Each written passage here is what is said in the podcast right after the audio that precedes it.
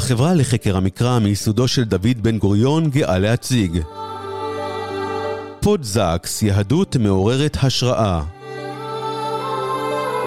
מסע בעקבות עולמו של הרב לורד יונתן זקס, זכרו לברכה.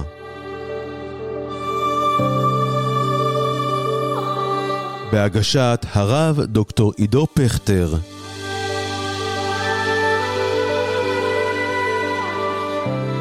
ברוכים הבאים לפודקאסט, הפודזקס, מסע בעקבות הגותו, עולמו ומחשבתו של הרב הלורד יונתן זקס, זכרו לברכה. אני הרב דוקטור עידו פכטר, ואני מזמין אתכם לצאת למסע בעקבות עולמו של הרב זקס. אפגש עם אלה שהכירו אותו ולמדו ממנו, עם חוקרים וחוקרות שהעמיקו בכתביו בעברית ובאנגלית, עם אנשי חינוך ויזמים ששאבו ממנו השראה. דרכם, אנסה להבין יותר לעומק את משנתו ותפיסת עולמו. איתם ננסה לשאוב השראה לחיים יהודיים עכשוויים, לשמוע קול אחר, גבוה יותר, על המורשת המפוארת שלנו, כזה שהוא גם סובלני והומני ופתוח לשיתופי פעולה, אך בה בעת גם ביקורתי כלפי תופעות פסולות בתרבות העכשווית, הדתית והחילונית כאחת. אז מי היה הרב זקס, אתם שואלים? אם הייתם שואלים את הרב יונתן, את יונתן זקס הצעיר, מה הוא יהיה כשהוא יהיה גדול, קשה לשער שהוא היה אומר, רב ראשי ליהדות אנגליה, נושא תואר לורד, מחברם של למעלה מ-30 ספרים ועשרות רבות של מאמרים, זוכה פרס טמפלטון היוקרתי על תרומה ייחודית לעולם הרוח, ואולי דוברה המוצלח ביותר של היהדות המודרנית שקמו בעת האחרונה. הרב זקס לא צמח בערוגה הדתית הקלאסית. ליבו וגם ראשו היו נטועים עמוק בעולמה של הפילוסופיה, את חבש את ספסל הלימודים באוניברסיטת קיימברידג'. אך כמו העם היהודי, הגדולה, כפי שהוא מצטט את שייקספיר, זה לא דבר שהוא רכש, הגדולה בחרה בו. כשהוא היה בן 20, בעודו תוהה האם וכיצד יפתח קריירה אקדמית, נפגש הרב זקס עם הרבי מלובביץ' בארצות הברית. הרבי, שהתרשם מאוד מכושר הביטוי של זקס הצעיר, הורה לו נחרצות כי עליו לנצל את כישוריו כדי לקרב יהודים ליהדותם, עליו להיות מנהיג קהילה. הנחיה זאת היא שחוללה שינוי של 180 מעלות בתוכניותיו של הרב זקס, והוא פנה ללימודי רבנות. את ההסמכה הוציא בג'וז קולג' בלונדון, שם למד 12 שנים עם רבו האישי, הרב נחום אליעזר רבינוביץ', לימים ראש ישיבת ההסדר במעלה אדומים. הרב זקס סיפר שבשלב די מוקדם הרב רבינוביץ' מינה אותו למורה במוסד. הוא ניסה לסרב בהתחלה, כשהוא הסביר לרב רבינוביץ' שהוא עדיין צעיר ולא מוכן לכך ושחסר לו ידע. אולם הרב רבינוביץ' התעקש. הדרך הטובה ביותר ללמוד היא ללמד, הוא אמר לו. וכך הרב זקס התחיל ללמד ולהרצות יהדות, ובעצם מאז לא הפסיק. לימים הרב זקס סיפר על המפגש הטעון הזה עם הרבי מלובביץ', והוא אמר ששם הוא למד תובנה מאוד גדולה על מהי מנהיגות. מנהיגים גדולים, הוא אמר, לא יוצרים אנשים שהולכים בעקבותיהם. מנהיגים גדולים באמת מייצרים מנהיגים אחרים. הרב יונתן זקס הלך בעקבות דבריו של הרבי מלובביץ', והוא צמח באנגליה והפך להיות לאחד ממורי היהדות הגדולים בארץ הזאת. הוא התמנה לרב הראשי של יהדות אנגליה, רבה של כל ה-United Synagogue שם, והפך בעצם למנהיג מבוקש, כריזמטי, רהוט מאוד של היהדות באותה ארץ. לימים, בעקבות כושר רטורי מאוד משובח, ובעקבות תכנים מאוד עמוקים, בעקבות היכולת של הרב זקס לשלב פילוסופיה כללית, הבנה עמוקה בפסיכולוגיה, בכלכלה, בכל תחומי הידע האנושיים, עם התורה, עם המסורת היהודית, הוא הפך להיות לאחד מהדוברים הרהוטים ביותר של היהדות בעת הזאת, ששמעו יצא גם למרחוק. הוא לא רק התפרסם רק בתוך אנגליה, הוא התפרסם בעצם בכל העולם. הוא התפרסם בארצות הברית, ובשנים האחרונות הוא גם הגיע לארץ, עשה עלייה, כתביו התרגמו לעברית, וככה יותר ויותר ציבור הישראלי הכיר אותו ונחשפו לגדולה שלו. עד כמה באמת הוא היה גדול, אנחנו יכולים ללמוד מכך שאפילו לא יהודים, ביניהם בישופים, ואפילו היום מישהו, מלך אנגליה, צ'ארלס, אמר עליו בעת פטירתו ש-he was my rabbi, כלומר, הוא היה הרב שלי. הוא היה עם שועי עולם, הוא הרצה בכל מוסדות האקדמיים ברחבי העולם, וכאמור היה מרצה מבוקש בכל מקום ובכל קהילה. אבל מה שמעניין אצל הרב זקס, זה שלא משנה איפה היינו שומעים אותו, היינו שומעים בעצם את אותה שפה. גם כשהוא הרצה באקדמיה, גם כשהוא דיבר בפני מלכים, ואפילו כשהוא דיבר בפני ילדים קטנים באיזה בית ספר בארצות הברית או באנגליה, היינו שומעים בעצם את אותה שפה. לא היו שניים או שלושה או ארבעה הרב זקס. הרב זקס דיבר תמיד בשפה אחת לכולם, והגדולה שלו, הגדולה של הדברים שלו, היה הייתה בכך שהוא היה יכול לתת לנו מבט על על היהדות. הוא היה נותן לנו מבט גבוה, ממעוף הציפור. יש בסגנון שלו איזה משהו מלכותי שמאוד אפיין את האישיות שלו ואת הלשון שלו. הכתיבה שלו היא מעשה אומנות, גם הדיבור שלו. זה לא משהו שמנוכר או אלים, להפך, זה משהו שכמו חמאה רכה שמורחים אותה עליכם, ככה התכנים שהוא מוסר מתלבשים על התודעה שלנו, ופשוט מחוללים בנו ומעוררים בנו השראה. בכל הדיבורים שלו ובכתבים שלו, הרב זקס נתן ליהדות את מה שאולי היה חסר לה בדורות האחרונים. איזו תחושת גאווה והיכרות עם הגדולה, הגדולה שמצויה בה. היהדות, טען הרב זקס, יש לה מסורת ארוכת שנים של תובנות, מחשבות על החיים, דברים שיכולים באמת לשנות את העולם, דברים שגם שינו את העולם. הרעיון למשל של צלם אלוהים, זה דבר שטוען הרב זקס, השפיע על כל התרבות האנושית, הוא חילל בעצם מהפכות בכל העולם, והוא ערש, והוא זה שהוביל ללידתה של התרבות הדמוקרטית החופשית בארצות הברית. צלם אלוהים זה דבר שהשפיע על יחסי אדם לרעהו ובאמת מהווה את הבסיס לכל החברה המערבית המודרנית. ככה הרב זקס דיבר על עוד ועוד תחומים שהשפיעו על כל המחשבה, ביניהם לדוגמה גם השבת, שהפכה להיות מסורת כלל עולמית והיא גרמה לכולנו להכיר בערך השוויון, שגם עבדים זקוקים ליום מנוחה אחד בשבוע? זו גדולה שאנחנו נולדנו אליה כיהודים, הוא אמר. למה אנחנו מתכחשים אליה? למה אנחנו לא לומדים אותה? למה אנחנו לא מסתכלים עליה מבבת כזה? בכל דבריו וכתיבתו, הרב זקס קרא לנו בדיוק לנקודה הזאת. תכירו את היהדות מגבוה, תסתכלו על הגדולה שקיימת בה. רעיון נוסף שהרב זקס נתן לנו וקידם אותו מאוד הוא הכבוד של השוני. היום אנחנו נמצאים בעולם מאוד מקוטב, במקום שאם אתה לא בדיוק אומר את מה שאני חושב, או אתה לא מסכים עם דעתי, וזה בין בפוליטיקה, בין בדת, בין בתרבות, אז אתה ממילא פסול ואתה לא לגיטימי. הרב זקס מקדיש ספר שלם כדי לומר לנו, במקום לראות את השונות בינינו כאיום, בואו נתמלא בפליאה מהשונות שקיימת. הנה הוא מצטט ככה, אני מצטט מכתביו בספר שלו, לכבוד השוני. אומר הרב זקס, המונותאיזם המקראי הוא הרעיון שאחדותו של האל נמצאת ברב גוניות שבבריאה. בריאה זו היא עולם הטבע, לא עולם האידאות. התפעלותנו מתעוררת לא מהצורה האפלטונית של העלה, אלא מהעלים הממשיים, מרבע מיליון סוגי עלים שונים שישנם. איננו משתאים על מהותה של הציפור, אלא על 9,000 מיני ציפורים שקיימים היום.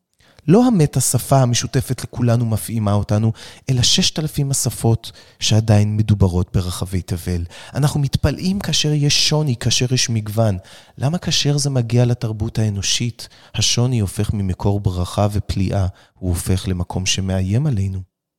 הרב זקס היה נאמן ודבק בדרכו היהודית, אבל עם כל זאת, הוא היה פתוח לראות את היופי שקיים בשוני שקיים בעולם, בתרבות, וגם בדתות האחרות. הוא הביא לנו יהדות סובלנית, יהדות דמוקרטית, יהדות שבאמת פתוחה לליבו של האדם, ומבקשת וגם קוראת לו לקחת אחריות על חייו, להיות מוסרי יותר, לעצב את עולמנו בצורה אמיתית, נכונה, כנה יותר.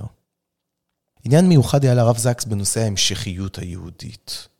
הוא התמודד עם דור שלם של יהודים ברחבי העולם שמתכחשים לזהות שלהם, שעומדים על סף התבוללות.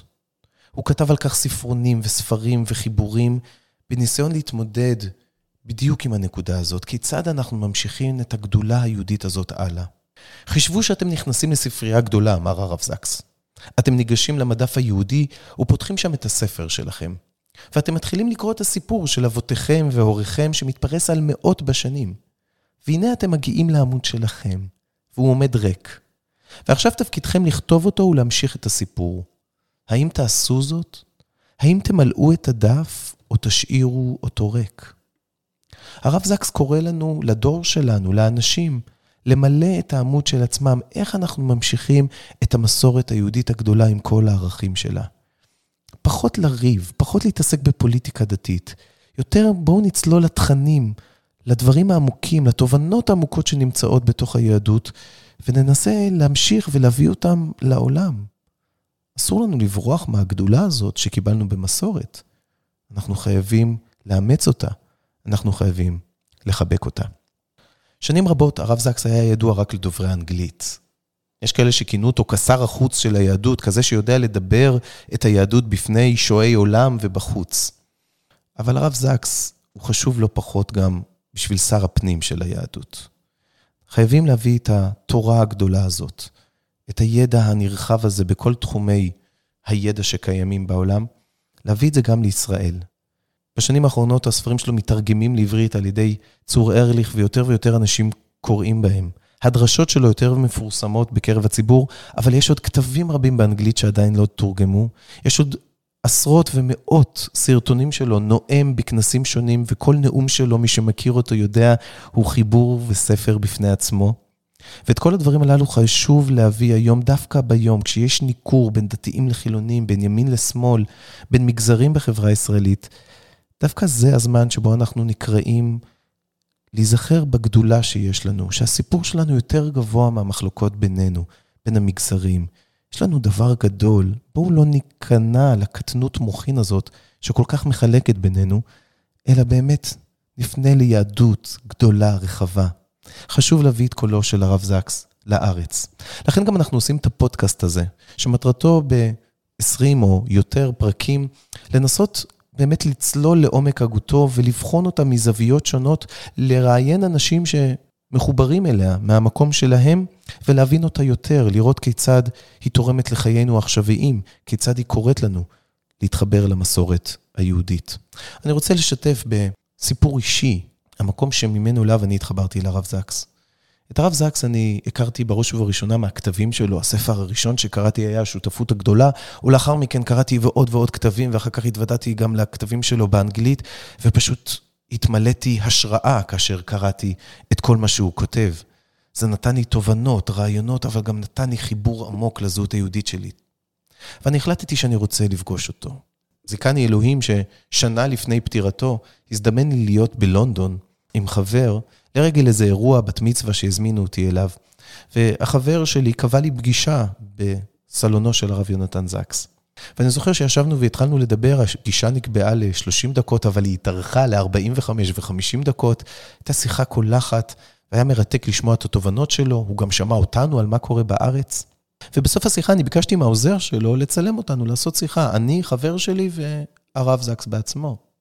כמי שבא להתארח שם, אז כמובן נעמדנו, אני וחברי, משני צידיו של הרב זקס, כשהוא עומד במרכז. אבל רגע לפני שהעוזר שלו לוחץ ככה על הכפתור של התמונה, אני מרגיש דחיפה. הרב זקס דחף אותי הצידה.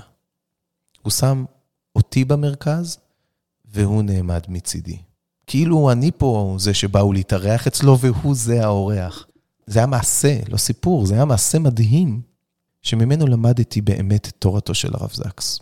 אתם זוכרים שדיברנו על כך שהרב רבי מלובביץ' אמר לרב זקס, שמנהיגים גדולים לא רק יוצרים אנשים שהולכים אחריהם, אלא יוצרים בעצמם מנהיגים?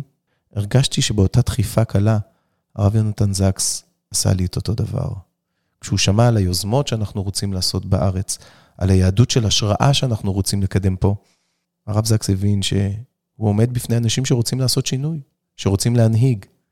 ובדחיפה שלו בתמונה הזאת, הקטנה, שצולמה בסוף, הרגשתי שהוא נתן לי דחיפה של אהיה מנהיג. קום, לך תביא את היהדות הזאת לחברה הישראלית. אני כיהנתי כרב קהילה בנתניה במשך תשע שנים. בקהילה הזאת אני פגשתי אנשים מכל הסוגים, מיקרו-קוסמוס של העולם היהודי. אנגלים, אמריקאים, צרפתים, אה, אה, מרוקאים, עיראקים, מכל העולם היו בקהילה, וכמובן גם היו צברים. הקהילה הזאת גם הייתה לא דתית באופן מובהק, זו הייתה קהילה של שכונה שהיא בעיקרה לא דתית, אלא הרבה חילונית. ליד הבית כנסת היה לנו קאנטרי קלאב, שהרבה מהאנשים הלכו אליו, כמו שהם הלכו לבית כנסת. זה היה באמת את כל החברה הישראלית, ואפילו היהודית העולמית היה אפשר לפגוש שם. ושם אני הרגשתי שצריך לדבר בשפה אחרת ממה שהורגלתי. אני גדלתי במחוזות הציונות הדתית, בישיבות ההסדר, בישיבות התיכוניות, במסלול הרגיל של אדם שגדל בתוך המסגרת הדתית ומכיר אנשים שבעיקר דומים לו ומדברים כמותו ומאמינים באותן אמונות שלו. אבל כשהגעתי לקהילה פתאום, גיליתי את העולם הרחב של העם היהודי. גיליתי שפות שונות. גיליתי אנשים שבאים מרקעים שונים, נחשפתי לעולמם, ומצאתי שיש אנשים מאמינים גדולים באלוהים לא פחות ממני, רק שהם לא חובשים כיפה. פגשתי אנשים שהם מחוברים למסורת היהודית באופן עמוק, אבל לא יודעים לבטא את זה באותה צורה שאני רגיל לבטא אותה. גיליתי שיש שפות שונות, שיש דרכים שונות. גיליתי את כבוד השוני שהרב זקס כל, כל כך דיבר בספרים שלו. ושם הבנתי שכדי להביא היום יהדות לקהל הרחב, צריך להרים אותה. לא מספיק רק לדבר על הלכות בשולחן ערוך, לא רק, לא מספיק רק לדבר על פירושים שונים לפרשת השבוע, כמו שאנחנו רגילים לשמוע בבית כנסת. אנשים רוצים גובה, אנשים רוצים משמעות, אנשים רוצים משהו שיהיה גבוה ורחב, אבל ייגע גם בחייהם הפרטיים. ולאורך תשע שנים הללו אני למדתי איך להביא הלכה, איך להביא פרשת שבוע, איך להביא מחשבה יהודית, איך להביא גמרא, אבל מהפרספקטיבה הזאת. כל שיעור וכל דרשה אני למד, שאלתי את עצמי, איזה משמעות, איזה משמעות יתרה, איזה מסר מה שאני הולך להגיד מעניק פה לאנשים. איך אני מעניק לאנשים איזה משהו, ידע, רוחב דעת, שאני יכול לספק להם. אני יודע שהרבה מהתכנים שהעברתי, אני לקחתי מעולמו של הרב זקס. אבל מה שהיה מפתיע, שבעוד שאני חשבתי שזה ידבר רק לקהילה המיוחדת שלי, פתאום גיליתי שמה שאני מדבר פתאום פונה להרבה אנשים מחוץ לקהילה שלי. דתיים וגם לא דתיים, אנשים הלכתיים וגם לא הלכתיים, מאמינים ואפילו כאלה שפחות מאמינים. כי כנראה כשפתאום מתחילים לדבר על שפה שנוגעת לאנשים, שיש בה גדולה, שיש בה הוד, שיש בה הדר, שיש בה רוחב דעת, אז כל אדם מצליח להתחבר אליה. וזה לא רק זה, אלא כל אדם מצליח להתחבר אליה מהמקום שלו. כל אחד מתחבר ליהדות ממקום שלו. את הרוח הזאת למדתי מהרב זקס, את התוכן הזה הרבה פעמים למדתי מהרב זקס, ולכן גם אני אישית רציתי להקים תנועה בארץ, רחבה יותר מהקהילה שלי, שקוראים לה תכלת, יהדות של השראה שתהיה לאורו של הרב זקס. להביא את הרעיונות הגדולים של היהדות שיעוררו השראה באנשים במרחב הישראלי הרחב, אצל כל המגזרים.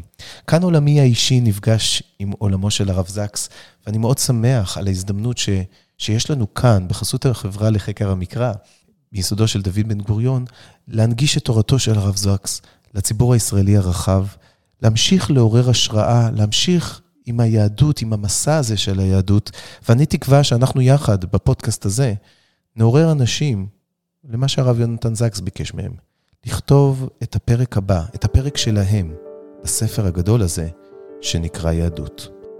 אני עידו פכטר, הצטרפו אליי לפוד זקס, המסע בעקבות עולמו, הגותו ומחשבתו של הרב יונתן זקס. האזנתם לפודקאסט פודזקס, מסע בעקבות עולמו של הרב לורד יונתן זקס, זכרו לברכה, בהגשת הרב דוקטור עידו פכטר. החברה לחקר המקרא מיסודו של דוד בן גוריון מבקשת את תשומת לבכם לתרומה להמשך פעילות העמותה. לפרטים נוספים, כנסו לאתר www.המקרא.org